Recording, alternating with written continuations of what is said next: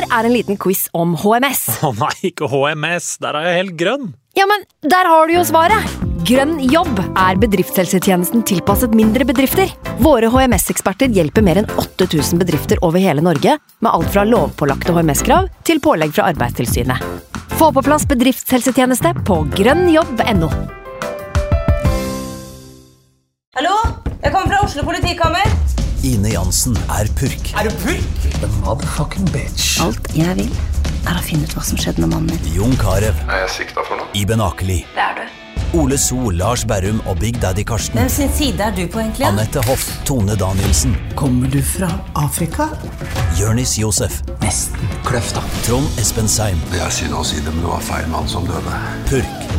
Premiere tirsdag på TV2 Play. I can't believe it. Football, bloody hell.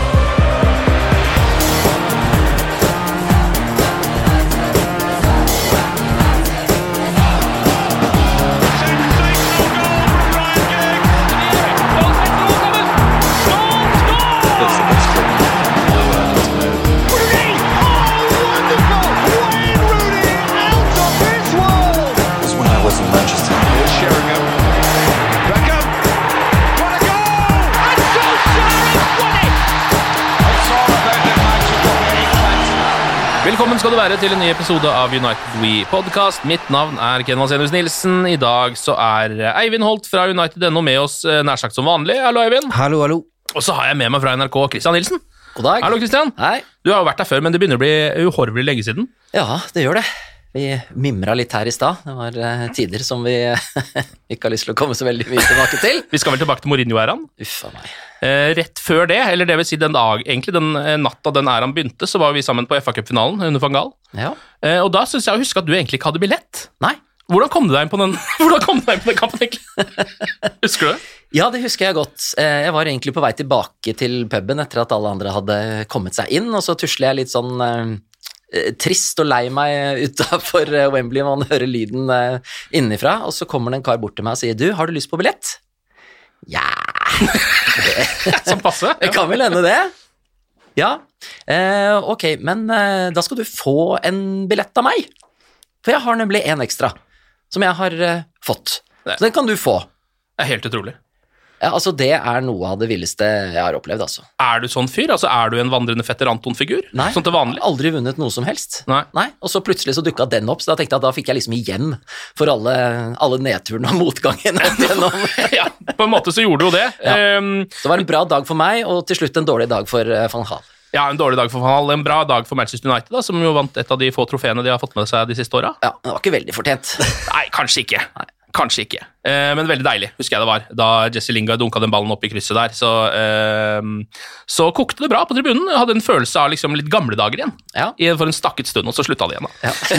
Du har jo overgangen din her, Ken. Siste kampen til van Gaal mot Crystal Palace, og den første til Ragnhild. Det er helt riktig. Eh, første til eh, Ralf Ragnhild, da. Hans første match som United-manager. Um, starter jo da med det samme laget som eh, Carrick avslutta med. Altså helt, eh, helt likt. Ikke noen eh, bytter. Var det noe overraskende for dere? At han bare gikk for eh, samme elver? Det er jo litt eh, Vi fotballsupportere, det, det skifter ganske raskt. Og jeg snakker jo om det her eh, prosjektsyndromet som vi får, at det var selvfølgelig vondt uh, uansett. Uh, når Solskjær er ferdig og man må bytte manager, så du får ikke et tydeligere signal på at ting ikke er i orden enn det.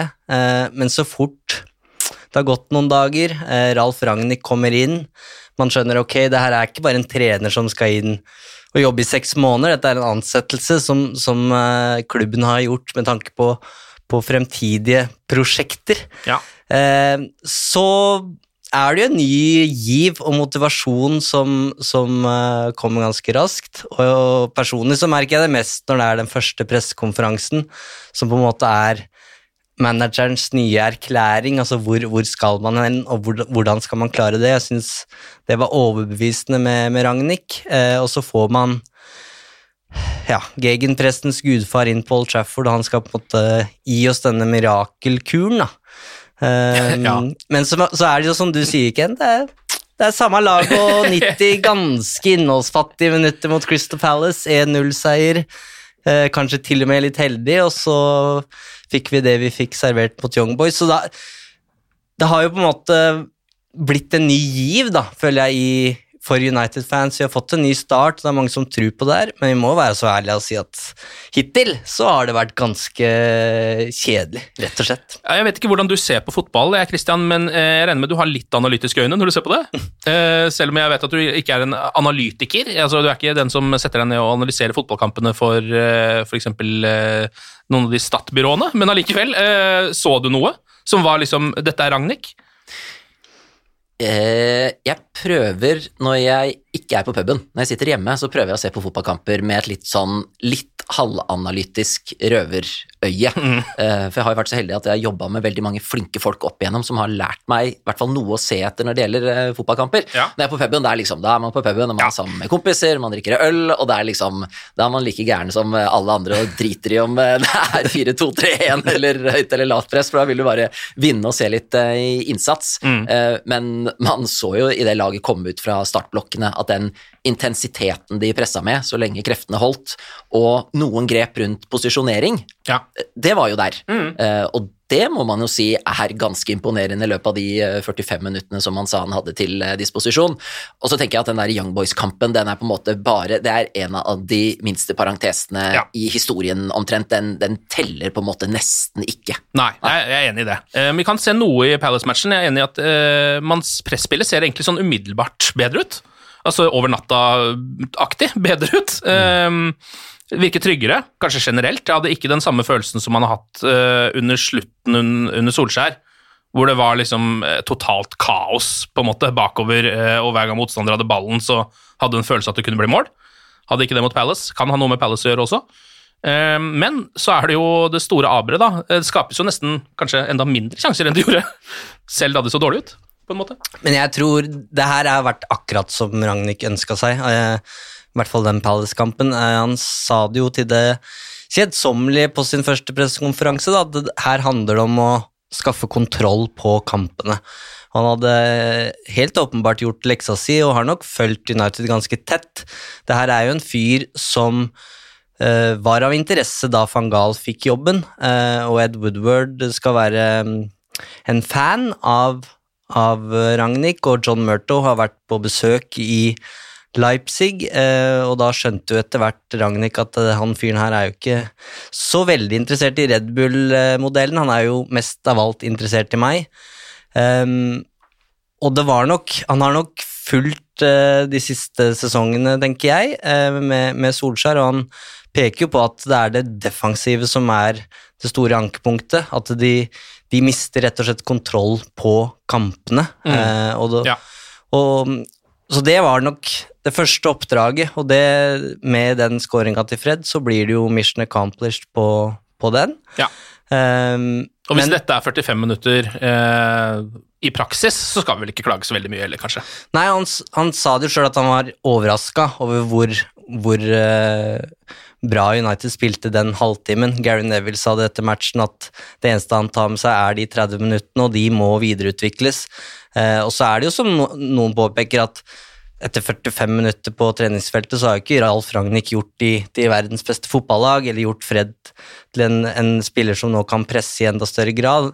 Så han har ikke fått gjort så mye ennå, men hvis han allerede har fått inn et prinsipp ehm, og, og gjort noen endringer som gjør at det er et system der som fungerer, eh, og kan fungere i 90 samtlige minutter, så har de i hvert fall noe å falle litt tilbake på. Mm. For det er jo noe av det jeg og Christian har, eh, har diskutert litt i siste sesongen.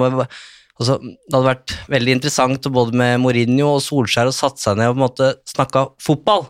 Eh, Christian har utfordra meg litt på det, og sånn på pressekonferanser og sånn. Hvorfor er det ingen som spør om Om fotball. hva er planen? Hva er, Ja. hva er, det, hva er det Solskjær på en måte gir beskjed om um, når det er skjebnekamp mot Leicester, og man, man veit at nå må man ha en bunnsolid kampplan? Hva er den kampplanen, annet enn at de skal express themselves? da? Mm. Og her kommer det inn en mann som har en, i hvert fall eh, tradisjonelt, en krystallklar plan, da. Eh, og nå har han sett 22 kanskje mer òg. 22 spillere i aksjon. Ehm, og kampene kommer tett, men eh, det blir jo veldig spennende å se hvordan det her utvikler seg, da. Mm. Hva tenker du Christian, om ansettelsen av Ralf Ragnhild? Er det noe du tenkte med en gang sånn Ja, ny gir mening. Ja. Mm. Jeg syntes jo at det var en ganske klok ansettelse, men det å sitte her og si at jeg verken for to uker siden eller nå sier at dette kommer til å bli bra, det er jo bare tøys, for det er jo ingen som vet hvordan det kommer til å gå. Nei. Men når de først skulle ansette en person som ser ut til å være på en midlertidig kontrakt, eh, så var jo det her virker som det var ganske klokt, siden de får inn en kar med en veldig solid CV som vet hva han vil, som er motivert til å gjøre jobben, og som også da virker som har fått en rolle i løpet av eh, årene som eh, kommer, som gjør at dette ikke bare er et, en korttidskontrakt, og så hadde det vært ha det bra, og lykke til til sommeren, at dette er en person som virkelig har interesse av å gjøre en så god jobb som, nul, som mulig nå for å legge et godt fundament som han også kan være med og styre videre. Mm. Og at de fikk inn en person som gjør at hele den spillergruppa antageligvis står litt sånn litt rettere i ryggen Ja. fra minutt én på treningsfeltet. Så skjerper seg de der få prosentene, og som veit at nå kommer det inn en fyr hvor jeg starter ganske på nytt, og han skal faktisk være med en stund til. Shit, dette er litt alvor, det. Nå må jeg faktisk prestere. Ja, ja. Uh, vi kan se litt på det som skjedde i løpet av matchen, bare litt sånn kjapt, for det var jo nesten ingenting. Uh, men, men det er jo greit å gå gjennom det. Få ordentlige sjanser eh, før pause. Ronaldo har et skudd på mål som ikke noen tror kommer til å gå inn. Dalot har en ganske stor sjanse, riktignok. Mm. Uh, må avslutte med venstre, dunker den rett over krysset. Eh, og så får eh, Manchester United et frispark. Dette blir ikke en sjanse, men jeg tenker vi kan stoppe opp ved det. Eh, Cristiano Ronaldo tar frisparkene til United nå. Hva er tanken om det? Det er at en gang så må han jo lykkes igjen.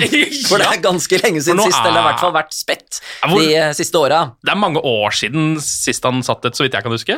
Ja, det finnes jo statistikker eh, på det, skal Ja. man finne akkurat nøyaktig svaret, men at det er en av de 60-70 siste, er det ikke noe sånt da? Jo, noe sånt noe, da. Vi har jo andre frisparkskyttere på laget. Bruno Fernandes har jo skåret denne sesongen, i det minste. Eh, og så vet vi at Alex Telles, som jo spilte matchen, har en ganske bra venstrefot.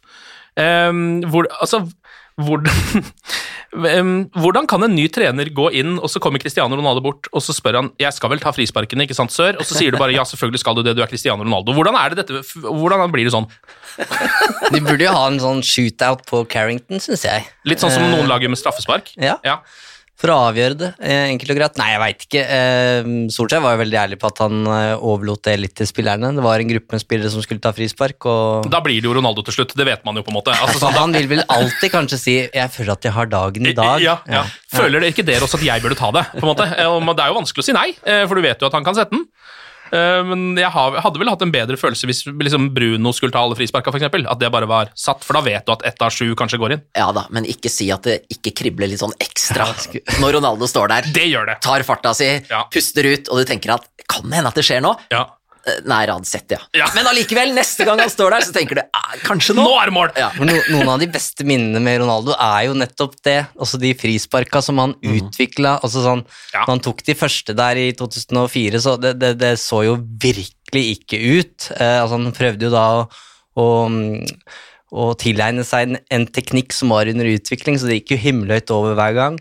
Eh, og fram til ja, Det var ikke frispark, men det, den portoskåringa, Ja. det frisparket mot Arsenal som kanskje var en keepertabbe, og så har du det mot Portsmouth, og det er som Christian sier, altså Det vil nesten være sånn definerende øyeblikk når han tar et frispark på Old Trafford, og den suser i nettet igjen. Ja. Så er det litt sånn åh, ja, Kanskje er, det er er, tilbake. verdt eh, halvannet år med bom. uh, når du det, først altså. sitter. Kan være det. Eh, Jeg tror jeg skal begynne å ha klar det på- Portsmouth-frisparket. Og så Hver gang jeg ser Ronaldo løper opp, slå av TV og så over på den. Bare kryssklippe over på det. Opp, oppløpet akkurat idet han treffer ballen, over på Portsmouth-frisparket, så går det rett i krysset hver gang. Eh, Men uansett, pause eh, mot Palace på 0-0. Ikke så mange store sjanser i andre omgang heller, eh, men det er noen. Eh, Alex Telles eh, tar et frispark, riktignok skrått, eh, ikke Ronaldo Hall som han skrur oppå tverleggeren. Egentlig et veldig godt slått frispark. Kan fort bli farlig. Og så um, begynner vi å nærme oss slutten av matchen, og da kan Palace stikke av med alle poengene. Det er selvfølgelig etter en corner. Der er jo Manchester United ikke spesielt bra defensivt. Uh, Jordan Ayu får en sjanse på blank, rett og slett. Bommer. Uh, ballen går bare på tvers av feltet. Blir ingenting av. Og så scorer jo Manchester United så å si ja, ikke rett etterpå, men ikke så veldig lenge etterpå, i hvert fall. Mm. Da er det Dalot som finner Greenwood, eh, finner seg plass i 16-meteren, ruller den tilbake til Fred. Innside med høyre, og alle vet hvor den havner. Den havner selvfølgelig oppe i krysset, den liksom fra Fred, og da er det, er det seier 1-0. Det var bare å begynne å juble da Fred fikk ballen der. Ja. Det er, man, men det er også litt sånn øyeblikk, eh, litt sånn som uh, når Cristiano Ronaldo scorer. Jeg jubler alltid ekstra for hans mål, men jeg jubler ekstra for Fred sin nå, fordi det kommer så sjelden at man blir jo eh, jeg ble i hvert fall nesten litt sånn ekstatisk da han plutselig skulle avgjøre det på den måten der. Helt åpenbart at det er en joke i garderoben også, at eh, Fred skårer lite. Ja. Og spesielt med høyre. altså Han blir jo nesten mobba i feiringa der. Ja, det, er- det- det, jeg lurer på hvordan den følelsen er som profesjonell fotballspiller. Så har du skåret et drømmemål, så går folk og mobber deg, for så god er du egentlig ikke. det Men det er jo veldig passende at det er Fred da, som blir matchvinner i den første matchen. Altså, Tallene viser jo at Fred har jo vært den beste presspilleren i United, selv om det kanskje ikke alltid har sett sånn ut. Eh, og nå så det jo veldig bra ut eh, i det 4-2-2-2-systemet da, som, eh, som Ragnhild brukte mot Crystal Palace. Um, og, og jeg syns jo Fred og McTominay gir mening på en midtbane som, som ledes av Ragnhild, eh, og så kan nok Kenneth også han ønsker å få inn en Declan Rice og oppgradere der, men at den midtbanen kan fungere bedre enn det han har gjort de siste tre åra, det må det jo være et håp om, og jeg gjør også mine tanker når Matic brukes som midtstopper, så sier vel det en del om, om hva Ragnhild ønsker på midten der, da. Mm. Um, så det, det der Ja, Fred og, og bekkene syns jeg nesten er de som uh, foreløpig har vært vinnerne av det managerbyttet her. Mm. Altså er jeg lei av det derre bare man kjøper én og én spiller, så blir allting så mye bedre, og så er det noen som er større eksponenter for det enn andre. Men når man ser de fantastiske resultatene og prestasjonene som Liverpool har fått til gjennom de siste åra under Klopp, så tenker man jo sånn utgangspunktet at det er vel egentlig ikke så veldig mange av de spillerne på midtbanen der som hadde gått inn hos oss. Det er i hvert fall det man ville like å tro, men så funker det så fantastisk bra både enkeltspillermessig og lagmessig. Og det er der man har lurt på med Solskjær, men også for så vidt eh, forgjengerne hans. Hvorfor klarer de ikke å få mer ut av enkeltspillere? Hvorfor klarer de ikke å utvikle dem mer enn det de gjør? Og hvorfor klarer de ikke å få laget til å framstå på en annen måte? Og der vil man jo tro at Ragnhild har en veldig god og trygg oppskrift på hvordan det her skal være, og virker som en ganske fornuftig fyr med stålkontroll. Eh, og vi har jo også snakka litt om det, Eivind. Altså, hvilken kompetanse er det Solskjær og trenerteamet hans har som en enhet? Ja, de kan masse mye mer om fotball enn det vi noensinne kommer til å kunne, det er ikke noe tvil om det, men allikevel så er det der en nåløye på toppen. Det er så trangt at du kan ikke ha noe tvil om hva du vil at spillere og lagdeler skal gjøre, for da blir du avslørt. Eh, og det kan man i hvert fall håpe at Ragnhild klarer i løpet av ganske kort tid. I løpet av noen uker, eller i løpet av noen måneder, for det har man sett med Chelsea. Det er mulig å klare å få United til å framstå som eh, en mer solid enhet både framover og bakover. Mm. Um, vi kan gå videre til eh, kampen mot Young Boys. Det var jo en kosekamp, for å kalle det det, for alle supportere. Det vil si, det var jo, er jo kjedeligere å se denne kampen enn en kamp som betyr noe, hvor alle spiller. Alle de beste spillerne, men allikevel var det en kamp hvor de ikke hadde noe å tape, da. I det hele tatt. Um, reservelaget som starter på mange måter, bortsett fra bekkene, som jo nå på en måte har blitt reservebekkene, merkelig nok. Nå var det Shaw på venstre, eh, tilbake fra skade. Van Bissaka for så vidt litt det samme, da, men han var jo også klar mot Palace. Da ble Dalot foretrukket. Nå var begge tilbake igjen. Eh, Matic starter som kaptein eh, og midtstopper. Um, og det er, altså Han har vel mange av de forutsetningene som skal til for å være midtstopper, bortsett fra fart, selvfølgelig.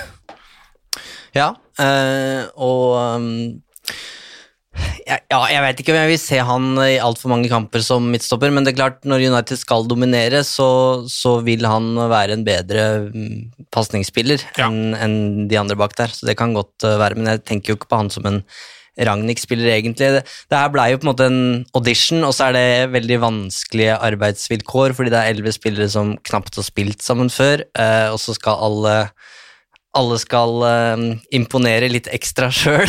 Ja.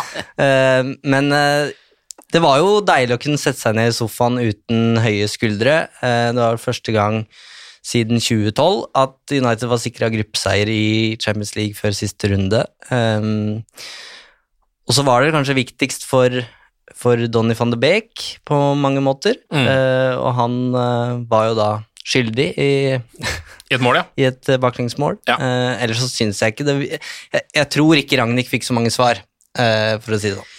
Nei, jeg, jeg lurer jo også litt på hva er det han vil ha ut av det her.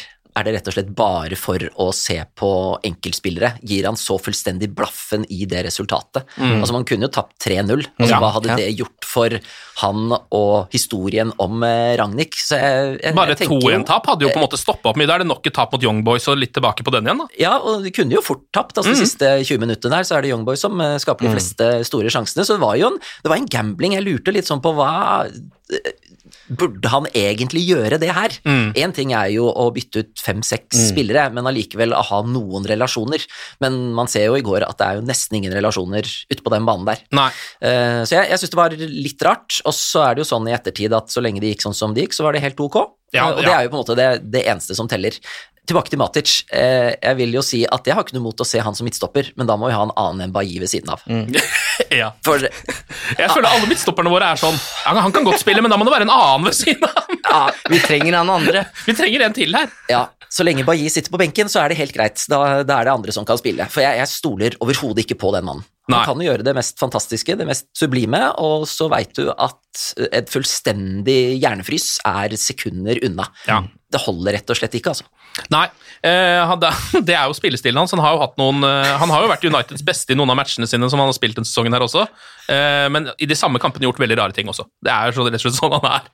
Eh, hvis han hadde selvfølgelig, Det er jo det man alltid sier om Bailly, hvis han hadde rista av seg det, så hadde han vært en av verdens beste midtstoppere, men det hadde alle vært hvis de hadde rista seg alle sine dårlige kvaliteter. I noen øyeblikk så er han verdens beste, men så Ja, I noen veldig få sinnssyke øyeblikk hvor han hopper inn og blokkerer noe greier, med huet for den saks skyld. Vi så fikk en litt Bailly light i går med Ted Menji, som først roter bort ballen, og Ja. så rydder flott opp etter seg sjøl. Ja. Det var deilig å se. Der trodde jeg han kom til å lage straffe. Ja. Når han gikk inn i den taklinga der, for det så jo det, ja. Så ikke ut som han hadde helt kontroll, men det hadde han tydeligvis. Eh, men hva tenker du om eh, Donny van de Beek, da, eh, Christian? Han er jo en spiller vi har snakka veldig mye om i den podkasten her, og ellers i, i egentlig alt som følger med på fotball, snakker mye om den mannen. Jeg syns først og fremst bare synd på han, altså. Ja. For det er jo ikke tvil om at det er en veldig god fotballspiller eh, inni der, og i et annet lag så hadde han sikkert passa inn kjempebra. Kanskje han blir en nøkkelspiller under eh, Ragnhild, det, det aner vi jo ikke. Han får jo muligheten innimellom, men så føler man aldri at han egentlig tar den. Nei. Men så er det litt urettferdig, for du kan jo ikke forvente at folk bare skal komme inn, eh, og så presterer de i den rollen både som enkeltspiller, men også som en del av et lag eh, med en gang. Eh, om han er riktig spiller for eh, United, det får jo tida bare vise. Jeg har ikke gitt han opp eh, ennå, men jeg syns bare det er trist. Og så er det typisk at han gir bort eh, ballen på den eh, skåringa. Etter det så ser det ut som bare lufta går ut av Ja, og det er jo kanskje forståelig. da, Når man har gått på så mange smeller, så skal det veldig små ting til da, før du bare velter hele lasset. på en måte. Ja, men da må man jo lure på Er han da en Manchester United-spiller i hodet sitt? Mm. Det aner jeg ingenting om. Nei. Eh, men det er jo et litt sånn gryende bevismateriale der at han kanskje ikke har det som skal til. Jeg Ja, håper kanskje. det er feil. Han er jo såpass jeg vet ikke, han er jo såpass en sympatisk type at de fleste har jo den Må ikke være sympatisk type fotball, altså. Nei, må ikke være det. Må være best. Må ikke være mest sympatisk. Men det er jo det som er greia, så det er jo veldig mange som tenker det samme som det, at det og det synes jeg nesten det er litt, nesten litt sånn særegent i fotball, at det er en spiller som har kommet da til en stor klubb for en ok sum med penger. Han var en, øh, han var en spiller som hadde et veldig øh, han hadde et godt renommé, liksom. Ja. Eh, et stort talent. Og så faller han på en måte da helt totalt gjennom, som jo er det han har gjort. Så pleier stort sett den mottakelsen man får å være kritikk, ikke 'jeg syns synd på deg'. Og det er nesten verre, syns jeg. Hvis du skjønner? Det er liksom nesten litt sånn det er, det, Det er litt stakkarslig, nesten. Ja, litt grann stakkarslig, faktisk. Ja, men når han kommer inn to minutter før slutt i nesten hver eneste kamp, så er du litt stakkarslig. Ja. Altså, stakkars mann, hva skal han gjøre? Ja. Men han får en kjempemulighet her, da. Um, han blei jo lova uh, mer spilletid i sommer, og så fikk han jo ikke det, av en eller annen grunn. Um, men det er klart, det er lett å velge det trygge når eh, resultatene går, i, går imot og sånn, men han fikk jo på en måte en, en opptur, skåra jo mot uh, Watford, Ja. uh, og, og fikk jo tillit umiddelbart av Carrick i Villarreal. Mm. Så tror jeg ikke det her er en kamp som, som knekker han, men man må nok overbevise um, Ragnhild også. Uh, men det er jo som Christian er inne på, det Altså, hvis han ikke har klart å overbevise Solskjær, og ikke klarer å overbevise Ragnhild, da spørs det om han er United-kvalitet, da. Mm. Um, for det er jo mye som skjer på treningsfeltet som vi ikke ser. Um, men hadde vi visst hvordan det halvåret her hadde blitt, så burde han jo vært på lån i Ajax, for Ja, eksempel. ja, for eksempel. Ja. Mm. Så nevnte jeg det med det mentale her.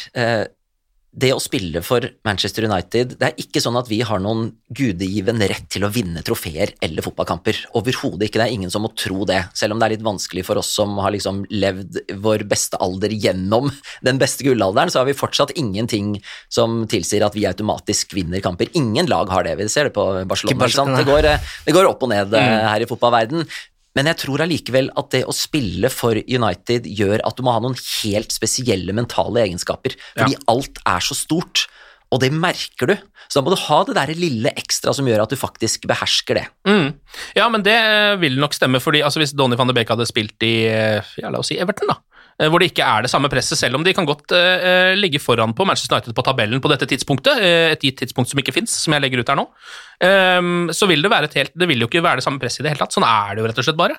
Fordi det er ikke forventa at Everton skal vinne en masse greier. Det er forventa av Manchester United, selv om, som du sier, vi har ikke noe krav på det lenger i det hele tatt. Og jeg syns det beste eksempelet der, jeg syns standarden har blitt satt av Bruno Fernandes. Jeg syns det var et eller annet da han kom inn, som jeg ikke i hvert fall har sett i noen av de andre signeringene. Vi har hatt Zlatan og Cavani, og det, det er store personligheter og alt det der, men Bruno Fernandes kommer fra Sporting Lisboa og går inn eh, med på en måte største selvfølge fra dag én og tar tak eh, og blir det kreative hjertet. Mm. Eh, og jeg husker jeg leste før han signerte at i sporting så var han en teknisk og taktisk leder. Så tenkte jeg ok, ja, det hørtes jo flott ut, men hva betyr egentlig det? Eh, men nå skjønner jeg litt mer av det, eh, fordi han er han, han tar på en måte så mye plass på banen ved å være en playmaker som alltid eh, finner rom, eh, om det er i eh, i, i mellomrommet mellom forsvar og, og midtbane, eller om han er ute på kant eller dypt, så han skal bare ha ballen. Mm. Eh, og så han er, er, opplever jeg i hvert fall at han er også eh, karaktermessig. Altså han, han stiller krav, og du ser jo det. Han har jo vært i munnhuggeri med Lindeløf og, og Matic Ja, ja. og sånn. Jeg vil jo si at Han er jo ikke bare en teknisk og taktisk kaptein, han er jo en reell kaptein. Ja. Altså en reell leder, egentlig. Han er jo Manchester Uniteds egentlige leder. Får jeg følelsen av, i hvert fall. Ja, og når han konfronteres med, med de her episodene og sånn i etterkant, så han, han ler jo bare. Ja, men hvorfor spør Er det her et spørsmål? Ja. Det her er fotball, selvfølgelig skal vi Vi må jo si fra til hverandre når, når vi ikke gjør som vi skal. Mm. Eh, og det tror jeg var veldig sunt. Jeg tror det trengtes i, i United-garderoben. Det har sikkert vært noen konflikter der eh, av det, men, men det trengs, fordi eh, som Christian er inne på, det, her er det så små marginer at du, du, du må ha de eh, katalysatorene. Mm. Er jo en del av unggutta som uh, får prøve seg uh, mot uh, Young Boys. Uh, Langa spiller, Amadialo spiller også. Begge to har jo hver sin egentlig ganske store sjanse som de surrer ordentlig bort på. sånn der, Du er altfor ung til å spille fotball på dette nivået-aktig måte. som er litt trist, nesten, men sånn er det nå engang. Diallo først. kommer egentlig sånn på en måte delvis alene med keeper, runder av en mann, og så skal vel egentlig bare finne Lingard. Virker som han trekker seg litt i, og at han ikke helt tør å prøve sjæl derfra. Eh, og så spiller han dem bak Jesse Lingard, Ja. og så blir alle bare sånn 'Å, herregud, hva er det du driver Veldig fint gjort i forkant, da. Veldig fint gjort i forkant. Uh, og så får jo Elanga en stor sjanse i andre omgang som han brenner. Rett og slett setter den på keeper, da. Eh, er det ellers noe dere liksom har lyst til å trekke fram av disse unggutta som spiller? Vi skal komme litt inn på Nå kommer jo både altså Zidane Iqbal kommer jo inn. Fantastisk navn, selvfølgelig, og heter Zidane til fornavn. Det applauderer vi. Er vel eh, en av få irakere som har spilt både i Champions League og ikke minst for Manchester United. Først fra Sør-Asia. Ja. Altså, ja. Ja, ikke sant? Eh, som spiller United. Mm. Ja. Um, og så er det jo uh, et deilig øyeblikk når Charlie Savage kommer inn nå, da, sønnen av Robbie, uh, som kommer inn for han Mata der. Og kommer da inn, altså Det her synes jeg var litt vakkert, fordi han kom jo uh, inn der, og så rett før det så har det da vært et dobbeltbytte hvor uh, Shola Shora T-Ray, som han heter, på 17 kommer inn sammen med Heaton på 35. altså, Der har du én fyr, og så er det en som er akkurat halvparten så gammel som eh, han, eh, og av de to så er det Heaton som får sin debut! Altså, ja, det var deilig, syns jeg. Det er en fin quiz uh, i framtida. Bilde av de to. Hvem er det som debuterer her? ja, Det syns jeg var deilig. Men her uh, tror jeg her frir vel Ragnhild litt, både egentlig til spillergruppa og spillerne, men også litt til Når du bytter keeper i kampen, da, da gjør du det. Ja, og når du setter inn en som ikke har spilt altså, Det er jo en fin liten historie at han fikk sin debut nå endelig, uh, og det var til og med i en Champions League-kamp, på en måte. Det er mer Norway Cup enn Champions League. ja, akkurat det, det var i hvert fall i følelsen, eh, men det, det var hymne før matchen, så jeg er ganske sikker på at det var Champions League. Eh, men ja, hva tenker dere om eh, unggutta som fikk prøve seg? Er det Noen av dem syns eh, kom seg nærmere og liksom få starte noe mer? Egentlig så bør man jo kaste inn på de unggutta der én og én når det er ti førstelagsspillere på banen. Ja. Så det blir litt urettferdig, syns jeg, å, å kaste en dom over Diallo og Langan når de spiller sammen på topp der. Ehm, men det gir, det gir jo mening um, at de kanskje skal på utlån i, i januar. Um, det er vrient å få spilletid sånn som ståa er. Uh, nærmer oss topp fire og, og sånne ting, men vi er ferdig med ligacup, og nå ble det Aston Villa i FA-cupen, og det er, det er, ikke så mange muligheter her, da. Nei. Um, Tror du han, altså Ragnhild gjør det litt for å bare uh, krysse av den boksen som, hvor det står 'prøve unge talenter'? Og få fram unge spillere aktig? Ja, og så tror jeg han er en såpass rutinert ringrev at han um, han så den terminlista og ser her har jeg en kjempemulighet til å kunne si at jeg har gitt alle en fair sjanse. Mm, ja. Jeg er ganske sikker på at det er spillere som starta den kampen i går, som Ragnhild er overbevist om at han kommer ikke til å få spille noe særlig for meg. Mm. Men det er ingen som kan komme til Ragnhild og si 'du ga meg ikke en sjanse'. Nei. Um, og det gjelder nok ikke de unggutta. Uh, der kan nok være et frieri. og uh, Ragnhild har jo allerede nevnt et par ganger at han studerte i Brighton på slutten av 80-tallet, og, og sånn at han forelska seg i engelsk fotball. Så han, han, kjenner jo Manchester United veldig godt, og, og veit hvor uh, Han kjenner nok signaleffekten her av, uh, av um, å sende unge spillere på banen. og Van Gaal gjorde det, Mourinho uh, ga vel Angel Gomes debuten, som ble en rekord. Solskjær også. Så mm. ja. Det er gledelig, uansett hvilke motiver de måtte ha.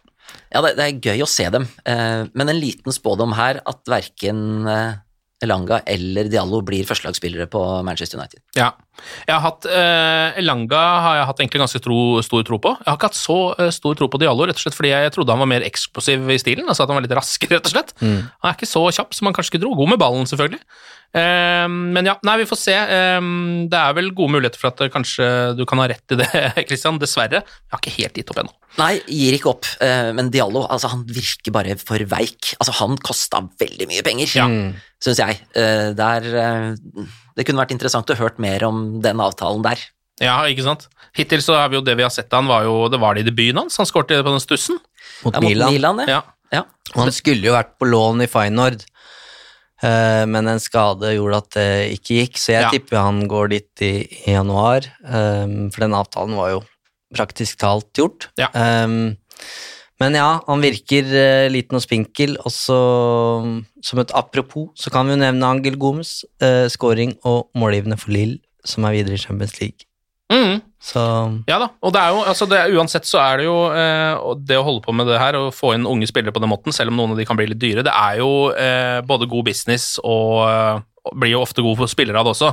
Så det er jo liksom sånn å komme litt inn på den Chelsea-greia med å ha spillere på utlån over hele Europa eh, som du kan ta tilbake når de er gode nok, det er ikke så dumt. Nødvendigvis. Ja, nå, inn mot laget nå, da, mot, uh, mot Norwich, um, så, så, ser man jo på hvilke spillere som kjemper om spilletid på på de fremre posisjonene. Og da er jo Greenwood er en utfordrer. Eh, Martial skada nå, men han også er jo en utfordrer. Kavani. Det er ikke så mye plass til Diallo og Elanga her. Nei. Kan jo også eh, nevne målet til Mason Greenwood tidlig i matchen der, for det er høy klasse på. Det har vi ikke snakka om Det har vi ikke giddet å snakke om engang. Vi bare gikk rett på noen andre greier her. Men eh, Shaw med et godt innlegg. Eh, Greenwood med en slags eh, liggende brasse, eller hva man skal kalle det. Eh, ja, vi kaller det det. Ja, En, en lav brasse. Nydelig. Ja, veldig, ja. veldig bra. Godt å se Greenwood også tilbake på skåringslista. Han begynte å bli bitte litt bekymra, selv om han har vært skada og sånt. Det er lenge siden han har vært i toppform. Ja, og det er jo ikke bra, de der små historiene som kommer ut rundt uh, og kommer for seint og viser en holdning som kanskje ikke er helt opp til det som kreves, da. For Nei. igjen, det, historien er full av uh, vrakgods som hadde mm. verdens største talent, ja. men som mangla de der siste prosentene. Det å ofre alt det som ofres må for å kunne lykkes eh, på det nivået, og det, det, er det ikke alle som har, rett og slett. Nei, altså man må bli Ryan Giggs og ikke Lee Sharp. Eh, Det er veldig viktig. Ta deg én øl mindre og bli Ryan Giggs istedenfor å ta deg en øl mer og bli Lee Sharp. Ja, og da må vi vel legge vekt på at det er Ryan Giggs som fotballspiller, Ja, ja, ja, ja, men ikke det som han eh, Ikke holder som på med eh, på andre måter. på si der, det trenger vi ikke å ta med. Nei. Ehm, ellers eh, så blir jo altså Aron Wambisaka liggende skada nede ved reklameskiltene idet kampen Ja. blåses av. Ja. Hva, hva, jeg fikk ikke med meg hva som skjedde engang. Er det noen av dere som så hva som skjedde der? Gikk han inn i en takling helt på slutten der, og så bare f- Han ble- føyk i hvert fall inn i reklameskiltet Ja. eh, og skada håndleddet og kneet sitt. Og der er det jo også en sånn mur. Eh, altså Det ser jo livsfarlig ut å spille Paul Trafford når du kommer, litt, når du kommer ut på sidelinja. Vi fikk jo et spørsmål om det på Twitter. Uh, Når skal den muren fjernes? Og det er én ting. Ja. Og den andre ting er når er det sikkerhetsvaktene Paul Trafford skal få kontroll på de som stormer banen? For nå er det hver eneste match. ja, Det syns jeg er veldig det er sant, det. snodig at de ikke klarer å stoppe det. Ja. Men uh, Jeg ja, trodde det var pga. Cristiano Ronaldo, jeg, lenge, fordi folk løper jo alltid ut på matta for å ta en selfie med han, holdt jeg på å si. Men uh, nå spilte jo ikke han engang i går, så jeg vet ikke hva som skjer. ja, nei, det er godt mulig at den frekvensen har gått opp etter at Ronaldo kom, men de må jo uh, klare å stoppe det der. Men uh, Van Bissaka uh, skal visst være tilbake på trening ganske raskt, trodde Ragnhild, da. Så Ja. Ja, men han ble jo båret av med Ja. båre Ja. der. Og han, han skal jo ha for innsatsen ved at han fem minutter på overtid går på det løpet og prøver å få ballen eh, inn mens det egentlig er over. Ja. Så han ofra seg jo der, altså. Ja. Han skal ha for det. Men det hadde vært eh, småtragisk, selv om han kanskje ikke automatisk er noe førstevalg lenger, at han blir ute eventuelt. For det så ikke helt bra ut. Nei, det gjorde ikke det, og han har jo nettopp på en måte hatt en skade også, så mm. det å bare løpe rett inn i et reklameskilt der, det så ikke bra ut. det Nei, det, det ser ikke bra ut, men eh, det er- vitner i hvert fall om litt eh, kampmoral, da. Ja, det gjør det. Og det er jo et eller annet med typen der, det er et eller annet med det der ansiktet hans, det er litt sånn Martial-aktig der, så man kan jo lure på hvor sta syns han egentlig at, eh, at det her er. Ja, um, og hva tror dere nå, da? Tror dere at det er Dalot og uh, Telles som er uh, venstrebacker i uh, neste match, eller? Men er ikke det nye å liksom rotere disse bekkene? Altså, se på City og, og Chelsea, for eksempel, hvor det, hvor det på en måte ikke er noen faste. Ja. Eller se på Liverpool, som har to faste, veldig gode. Ja, eh, men de er ekstremt gode, da. Ja. Eh, men akkurat nå, så jeg tipper jo Dalot og Telle starter på lørdag. Ja, jeg tror at Shaw kommer. Eh, Jeg tror at det som han eh, gjennomgår nå, det har noen eh, årsaker som vi kanskje ikke vet, men vi vet jo at han er kvalitet, han er klasse. Ja. Også på et eh, internasjonalt eh, nivå, og med en Ragnhild som eh, en som kan lede han til enda større høyder, så vil jeg liksom tro at Shaw tar tilbake den eh, plassen. Ja. Og hvis Dalot blir Uniteds faste høyrebekk de neste ti åra, da skal jeg si, da blir jeg ganske overraska, altså. For han har ikke vist mye i løpet av de årene han har vært i klubben. Nei, og også da han kom til eh, Milan og tenkte kanskje at her kan han få et løft i en litt svakere liga, og han kan bli, han kan bli tillært noen eh, taktiske egenskaper som han kanskje ikke hadde fra før av. Ja, vi får se. Ja. Ja. ja, vi får se. Mourinho er glad i den, da. Han skal ha han til Roma. Koste hva det koste vil.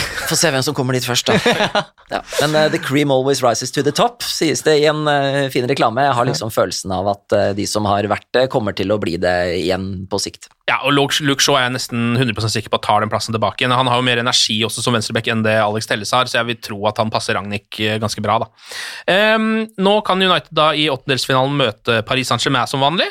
Eh, eller Håper ikke det. Håper ikke det. det nå er det, det har tatt de nok, på en måte. eller er sånn, det, ja, Har slått dem nok. Slått dem nok. Atletico Madrid, alltid vanskelig. Eh, Sporting, Inter, Benfica og Red Bull Salzburg. Det er Det er noen storylines der. det er jo storylines i alle ledd her. Eh, sporting, da har vi Bruno. eh, Ronaldo. Ronaldo, ikke minst. Ehm, og så har du jo liksom på en måte Red Bull Salzburg, da, som jo er uh, Hvis man skulle plukke seg en motstander her, så må det vel være dem, tror du ikke det? Ja, jeg tipper Ragnhild følger Salzburg ganske tett eh, fortsatt. Han vet det- mye om det laget. Uh, både det og det rent sånn, i hvert fall historiske uh, kvalitetsmessig, så vil jeg jo tro at det er lettest motstand, men hvem vet. Eh, vi kan også ta med oss at Manchester United Altså nå, vi skriver eh, 2021, har fått seg psykolog. Er ikke det rått? Ralf Ragnhild har fått en psykolog i klubben. Ja, det, det høres jo helt ellevilt ut. Hvis United ikke har hatt det. Ja, det synes Jeg jeg. er litt overraska hvis ikke Solskjær har tatt det med seg. Ja. Eh, kanskje han var det sjøl. Det er det Ja. han fikk mye ros for, men eh, dette vet kanskje Christian mer enn meg. Men dette har jo vært en ganske etablert praksis, praksis i norsk fotball. Mm. Eh, jeg vet i hvert fall at uh, Strømsgodset har hatt det ganske lenge. Jeg trodde mental trener var liksom sånn et must i nesten alle idrettslag, ja, uansett om det var fotball eller ski eller hva det skulle være. Ja, når det er så små marginer og hjernen er en så viktig muskel, og man skal prestere på det nivået man skal gjøre trening etter trening, kamp etter kamp, uke etter uke, år etter år, så høres det merkelig ut Mm. hvis de ikke har hatt en eh, psykolog på plass eh, over tid. Ja. Ja, det er veldig rart. Jeg vet egentlig ikke så mye mer om det enn at nyheten kom om at eh, Ralf Ragnhild nå har brakt en psykolog på banen, eh, og så bare dumt tilbake på intervjueren da han spurte om hvorfor det var nødvendig. og det er vel det samme blikket vi har akkurat nå, eh, så den er grei. Og så henter han jo også en assistent fra Ja. USA. Ja, ehm, som har vært hovedtrener i, i New York Red Bulls. Det gikk sånn passe, men nå skal han ikke være hovedtrener i Manchester United. Da. Eh, det virker jo ganske tydelig at Ragnhild har eh, bestemt seg for å hente inn folk han kjenner fra før. eh, og det, nå sa han det vel sjøl at det er ikke så lett å hente de han har jobba med, for de er i andre toppklubber og er, er under kontrakt. Eh, men han skal jo da ha fått nei av Gerhard Strober. Ja. Han sa det sjøl, eh, en østerriker. Som også er i New York Red Bulls? han er nå hovedtrener der, Mm. og ønska ikke å forlate den jobben, og dermed så blir det da Chris Armas, tror jeg, Armas, mener jeg det han heter, um, som har vært da tidligere hovedtrener der. Vi kan jo eh, ta med oss eh, at eh, det nå snakkes om Dette er du som har skrevet om på United.no, Eivind, så det vet du kanskje mer om enn meg, men eh, Ralf Ragnhild har visst hatt en slags praksis eh, som kanskje Mason Greenwood kan komme til å irritere seg litt over, hvis han fortsetter å komme for, for seint på trening og sånn. For han har hatt en sånn strafferulett. Så hver gang noen har gjort noe som da går imot reglene i klubben, om det er å komme for seint eller annen uprofesjonell oppførsel, eh, så har de da et lykkehjul, eller et ulykkehjul, må man nesten kunne kalle det. Eh, hvor det da, så man, man brukte dette her i Leipzig, og da er det da eh, ulike straffer på det lykkehjulet, så spinner du det. Eh, og det er ganske mye forskjellig her vi kan gå gjennom. Det ene er at du må være ballgutt. Det er jo kjipt. Ballene skal pumpes og rengjøres og fraktes ut på treningsfeltet. Skal bruke 30 minutter før hver trening på det. Tenk når Ronaldo får den der.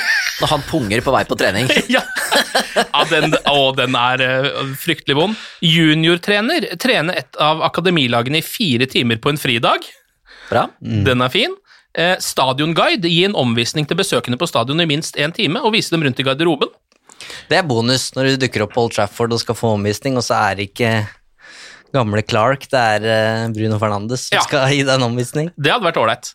Eh, heldiggris kan du også få, da får du ikke noe straff. Så det er ett felt du håper å havne på her. Og så kan, kan det ende opp med at du må bli banemann, klippe gresset på treningsfeltet og reparere ødelagte områder. Fire til seks timer på en uke, står der. Ballerina, den er litt spesiell. Eh, her skal man da gjennomføre en treningsøkt i rosa ballerinakjole. Når Cristiano Ronaldo får den, da blir det også stemning, tror jeg. Da blir det kjempestemning. Jesse Lingard tror jeg vil ha den. Han, han kommer til å den, Han eh, tar den. Det blir hans beste trening. Han kommer til å levere noe gull hvis han skal spille i ballerinakjole. Uh, Butikkmedarbeider, jobbe i kassa eh, på supportersjappa i tre timer. Det er også deilig. Eh, kokk, la- lage salat og rydde bordene. Materialforvalter, vaske drakter og fotballsko. Reiseleder, eh, pakke drikke og utstyr osv. Og så har du den siste som er gavmild stjerne. Da må du kjøpe små gaver, nøkkelringer og penner osv. til samtlige av klubbens ansatte, og gå rundt og levere dem ut som en julenisse. Så jeg håper han begynner med dette her, det er jo kjempegøy. Så er det jo, jeg syns det forteller litt eh, om Ragnhild, da. Fordi han har jo ha, Jeg syns han har en, en analytisk tilnærming til fotball som vi ikke har sett i Manchester United på ganske mange år. Kanskje Mourinho var litt sånn. Um, men han er en sånn klassisk ja, professoren, ikke sant. Ja. Uh, og det her virker jo veldig trivielt og gøyalt. uh, men han, uh, i et intervju da med var eh, Bild i, i Tyskland som hadde saken da, for noen år siden, og da forklarer han jo det her. Og det, var det er jo ikke Ragnhild sin idé, det var noe Jesse Marsh tok med seg fra USA. Eh, men Ragnix forteller jo det at Altså, en botkasse i Manchester United, eh, hva er poenget? Altså, det vil jo, de vil jo ha tjent inn de penga idet de legger uh, pudsedneren i, i kassa der, så det, det, det har jo ingen effekt. Eh, og hans teori er jo på en måte at deres fritid er mer Verdt enn penger. enn penger. Mm. Eh, så selv om det her virker på en måte bare gøyalt, så, så er det jo faktisk en, en tanke bak det, da. Eh, I at eh, spillerne skal eh, ja, rett og slett kjenne det litt på kroppen. Jeg er nesten 100% sikker på, jeg vet ikke hvorfor jeg føler dette her, men hvis Cristiano Ronaldo skulle komme for seint på en trening, jeg er sikker på at han hver eneste gang det skjer, kommer til å havne på heldiggris. Det, er, det har jeg, bare, jeg har bare en følelse av det. Så han aldri kommer til å måtte gjøre noe, mens Lingard og alle de andre må stadig vekk stå i ballerinakjolene sine og jobbe ned på supportersjappa. Phil Sånn- Jones. Sånn er bare verden. Phil Jones, ja, han, oh, han blir saftblander her. Tror du ikke ballerina for Phil Jones hadde vært noe også, da? Det kunne jeg sett det for meg, altså. Det må være verdens største ballerinakjole.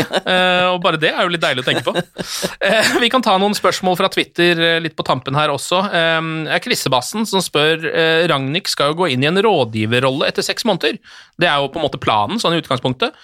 Eh, han lurer da hva slags rolle konkret det vil bli, eh, og om det vil påvirke valg av ny trener og sånt, når vi nå ser at vi på en måte kanskje skal prøve å følge Ralf Ragnhilds fotball da, og hans spillestil.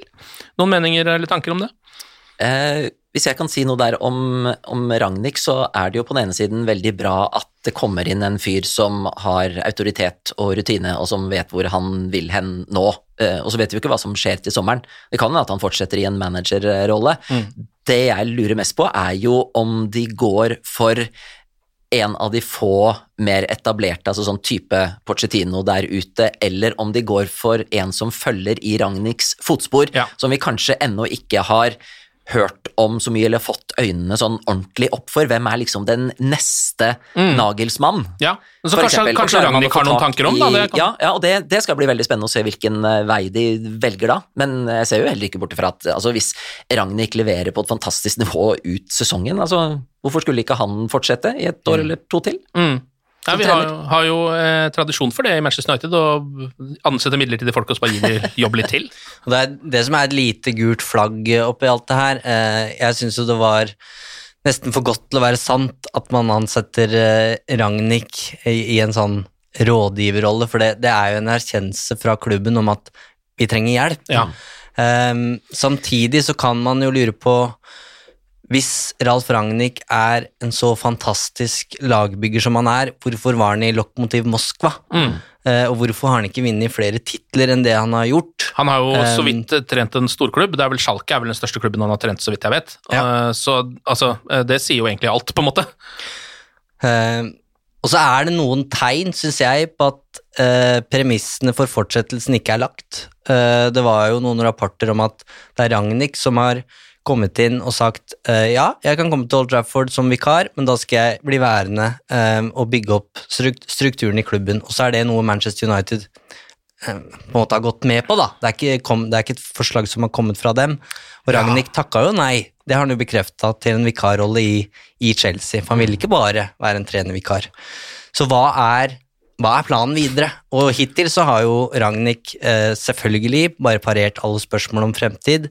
Det er de seks månedene her som gjelder nå.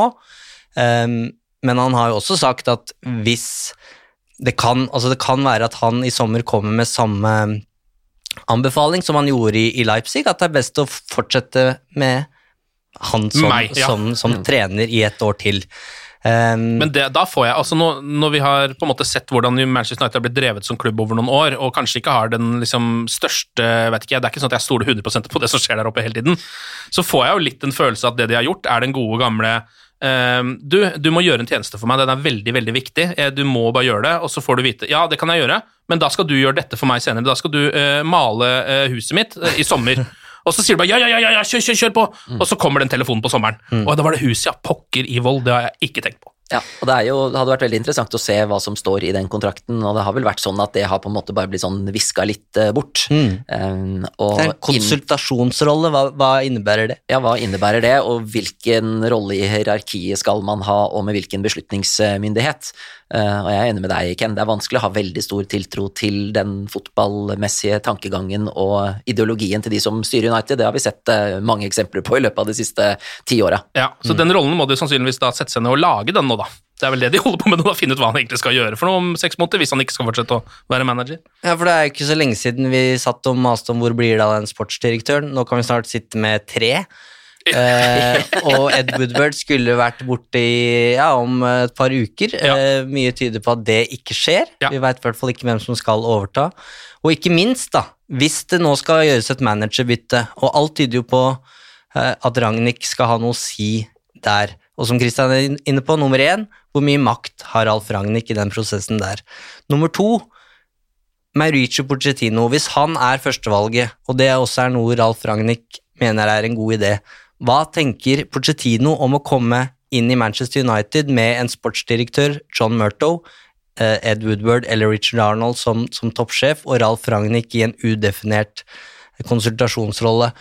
Det, da begynner det å minne litt om eh, det som er status i PSG, altså den situasjonen han ikke er komfortabel med der, nemlig at han ikke har nok makt over de av, store avgjørelsene i klubben. Mm. Eh, så er han villig til å komme inn til Manchester United når Ralf Ragnhild på en måte skal være syvende far i, i huset der, og bestemme hvilken retning klubben skal, og kanskje til og med hvilke prinsipper man skal spille fotball etter. Da begynner det å bli mange kokker og mye søl, eh, tror jeg, da. Men eh, Det begynner jo å minne litt om arbeidsplassen til meg og Christian, altså NRK. Eh, der er det jo sånn, der er det, Jeg har jo fire sjefer over meg som har én ansatt under seg hver. Sånn, sånn skal det være der. Det syns jeg er deilig der, da, og det funker jo som, går jo som smør, det, så det er jo ikke noe å tenke på. Kommer på lufta innimellom. ja. Eh, vi kan ta et siste spørsmål her fra Olav, og det, da skal vi faktisk se litt tilbake til Solskjær-æraen igjen. Fordi han eh, vil at vi skal kaste en dom over kjøpene til Ole Gunnar Solskjær. Det er jo liksom litt av arven eh, til Solskjær, da, litt av det som fortsatt er i klubben fra han. Eh, så det tenkte jeg vi kan gjøre. Jeg har liste her over de Solskjær kjøpte, så kan vi ta en runde på liksom eh, Hva skal man si, da? Eh, nei. Eh, Kanskje tommel opp eller ned? Ja, tommel opp eller ned, eller den siste som jeg tror det kommer til å bli en del av. Vi vet ikke helt ennå. ok. Kjør liste. Pelistri. For det var vel hans vi, første kjøp, på en måte. Vi begynner med vet ikke, aner ikke. Aner ikke. Hva skjedde der, Jeg, egentlig? skal bare, jeg ser ikke Alaves uh, hver eneste helg, men han spiller ikke fast, og det er et dårlig tegn. Ja, Så en eh, vet ikke, men uh, vippe mot nei, da. Mm. Uh, Igalo. Alt til sitt bruk. Ja. Det funka jo i den perioden han var der. Det var ikke det dummeste han har gjort, det. Godkjent, kanskje? Ja, det, det, jeg syns han og Kavani kan settes i samme bås. Uh, Ja. De har funka når de måtte fungere. Da tar vi også med han der. Mm. Eh, og så kan vi ta Alex Telles. Han har jo på en måte eh, I starten så tenkte jeg jo ja, vi trenger denne venstrebekken her. Eh, han er bedre enn Luke Shaw. Og så tenkte jeg nei, Luke Shaw er jo mye bedre enn han. Og så nå er plutselig Telles på en måte delvis fast igjen.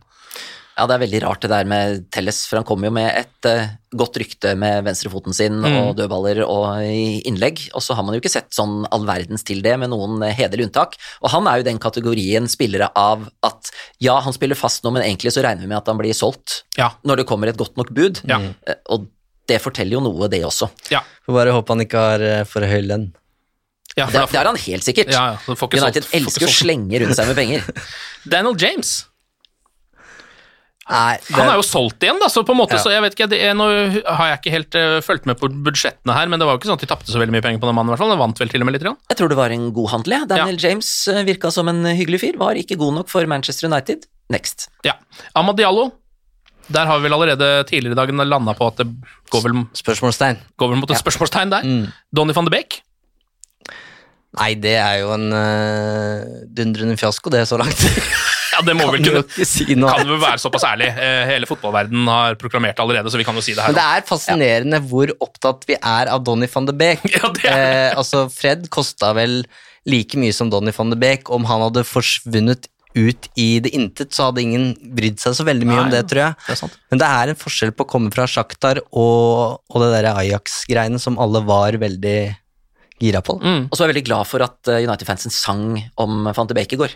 Ja. Det trenger han. Ja, Det fortjente han. ja, det er jeg enig i. Eh, Aron van Bissaka, da? Der vet vi vel ikke helt der, eller? Jeg er ikke så kritisk som alle andre, da. Jeg mener at det er mulig å være en eh, Gary Neville Beck i dag òg, for å si det på den måten. Du må ikke være Alexander Arnold, eh, men jeg ser jo at han har sine mangler. Um, så, men jeg syns det, det er terningkast fire. Ja, så godkjent, da. Ja. Mm, enig, Kristian.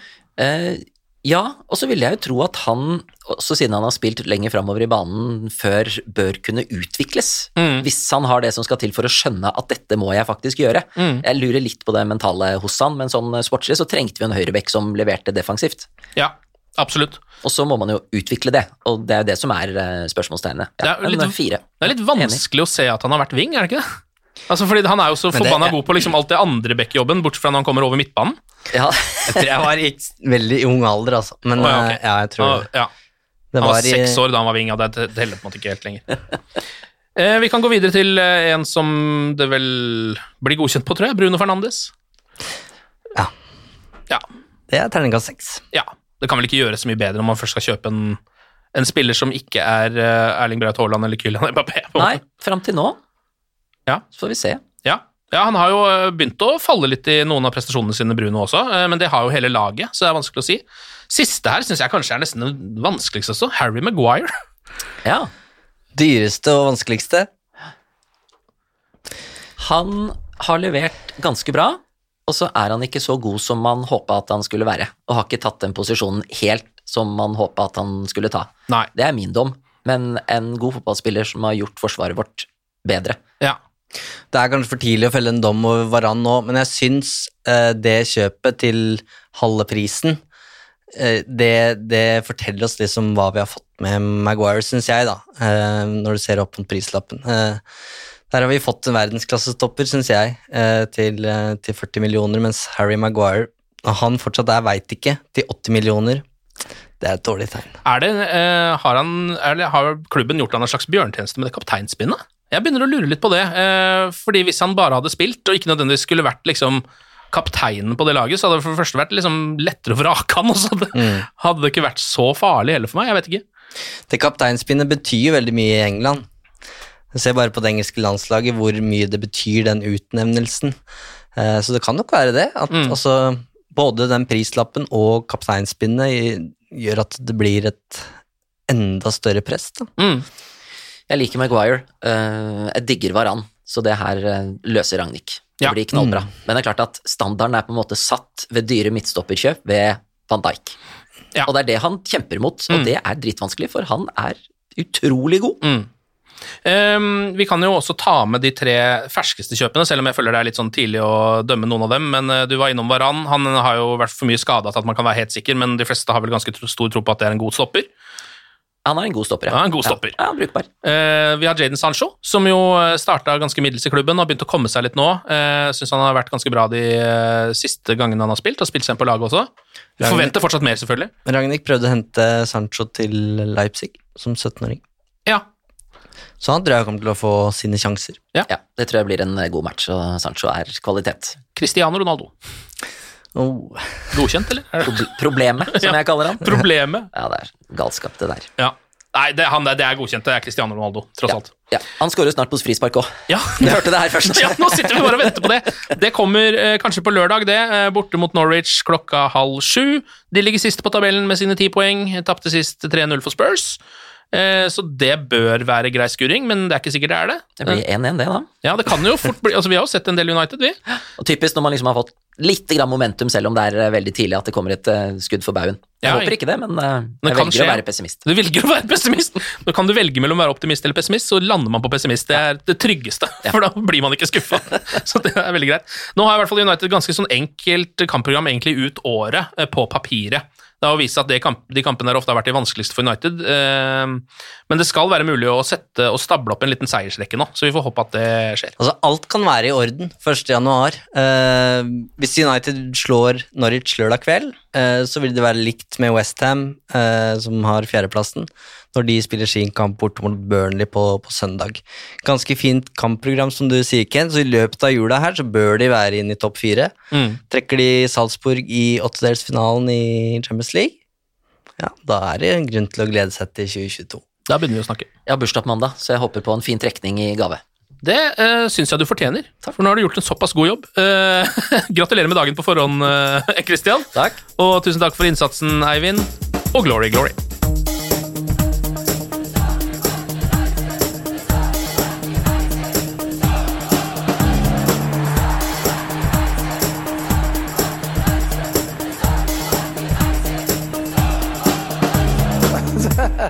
Oh, it's true. I've seen many things. Moderne media. Ukens annonsør det er matkasseleverandøren Hello Fresh. Der kan du velge mellom 25 ulike oppskrifter hver uke, eller få Hello Fresh til å sette sammen en meny for deg. Jeg sparer tid på å handle, oppskriftene er veldig enkle å lage, og så får jeg akkurat det jeg trenger da, til hver eneste rett, så jeg slipper å kaste så mye mat som jeg vanligvis gjør. Det er også litt deilig å faktisk slippe å gå på butikken, ikke bare fordi det er tidkrevende og sånn, men fordi man ender opp med å kjøpe så mye greier, så man egentlig ikke trenger, sånn som fire poser eh, Smash og en kick med havsalt, eksempel. Det er ikke det du egentlig er der for, du er der for å kjøpe, kjøpe middag. Så det er en veldig eh, kjekk ting. I tillegg så er det jo eh, ferdigporsjonerte ingredienser, det blir mindre matsvinn, og du betaler bare for det du faktisk trenger, og det du faktisk da spiser. I tillegg så blir det da levert på døra. Eh, til et fastsatt tidspunkt, sånn at du kan få det akkurat når det passer for deg eh, sjæl. Hvis HelloFresh høres ut som noe for deg, så har jeg en rabattkode du kan bruke også. Gå inn på hellofresh.no og bruk koden HelloUnited24. HelloUnited i ett ord, også 24, og få opptil 1779 kroner i rabatt på de fem første matkassene dine hvis du ikke har prøvd HelloFresh ennå. Du kan også bruke koden hvis du tidligere har vært kunde, men har stoppa abonnementet ditt for tolv måneder siden eller mer. Det er ingen ingen bindingstid, og du kan pause eller avslutte abonnementet ditt akkurat når du selv måtte ønske. Husk koden HelloUnited24, og bon appétit! Ukens annonsør er Folio, en smartere banktjeneste for deg som har en egen bedrift eller ønsker å starte for deg selv. Folio er en superenkel nettbank for bedrifter. Som kunde i Folio får du en bedriftskonto med et bedriftskort og app. I denne appen er det smarte løsninger som forenkler regnskapet ditt, uansett om du har en liten bedrift eller et enkeltpersonsforetak. Folio er både intuitivt og brukervennlig, og er laget med et enkelt språk. I tillegg tilbyr de forutsigbare priser og ingen skjulte gebyrer. Skulle du likevel trenge det, så kan du snakke med deres raske og hyggelige kundeservice, og der får du prate med en faktisk person og ikke en chatbot. Folio er med andre ord både enklere og koseligere enn banken. Over 10 000 bedrifter har allerede valgt Folio som sin banktjeneste, så besøk folio.no og se hvordan Folio kan forenkle din hverdag også. Har du et enkeltpersonforetak eller en liten bedrift? Da er du sikkert lei av å høre meg snakke om hvor enkelt det er med kvitteringer og bilag i fiken, så vi eh, gir oss her, vi. Fordi vi liker enkelt. Fiken superenkelt regnskap.